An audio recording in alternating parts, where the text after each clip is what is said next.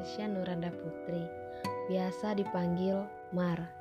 Tapi bukan Marimas ya, itu mah panggilan waktu SD. Kalau sekarang dipanggil sayang juga boleh. Ups, canda sayang.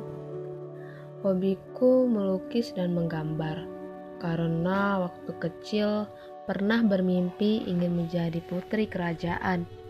Ya, Berawal dari suka nonton Disney sampai akhirnya bisa gambar karakter Disney.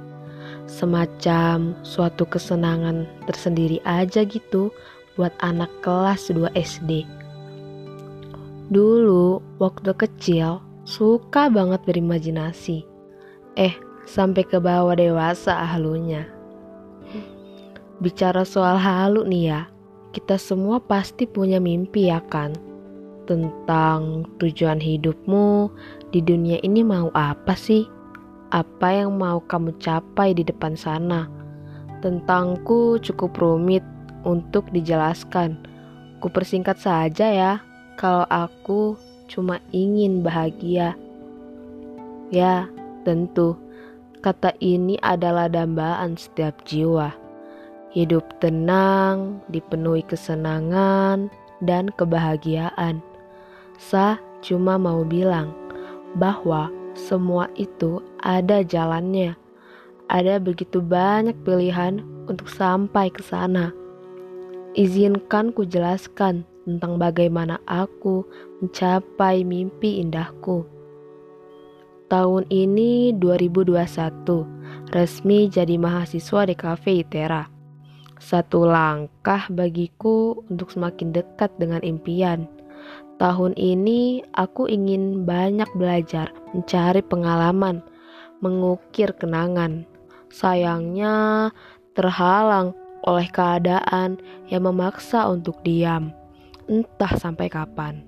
Yang jelas, tekad dan semangat tetap harus mengembara. Semoga untuk diriku jadilah pribadi yang lebih baik untuk bermanfaat bagi orang lain. Menjadi pengusaha adalah jalan ninjaku yang sedang kuupayakan. Kenapa pengusaha? Padahal kan jurusan kuliahnya desain, bukan ilmu ekonomi. Hmm. Menurutku, semua orang berhak membangun mimpinya sendiri. Kalau kata Bill Gates, jika kamu tidak membangun mimpimu sendiri, maka seseorang akan mempekerjakan kamu untuk membangun mimpi mereka.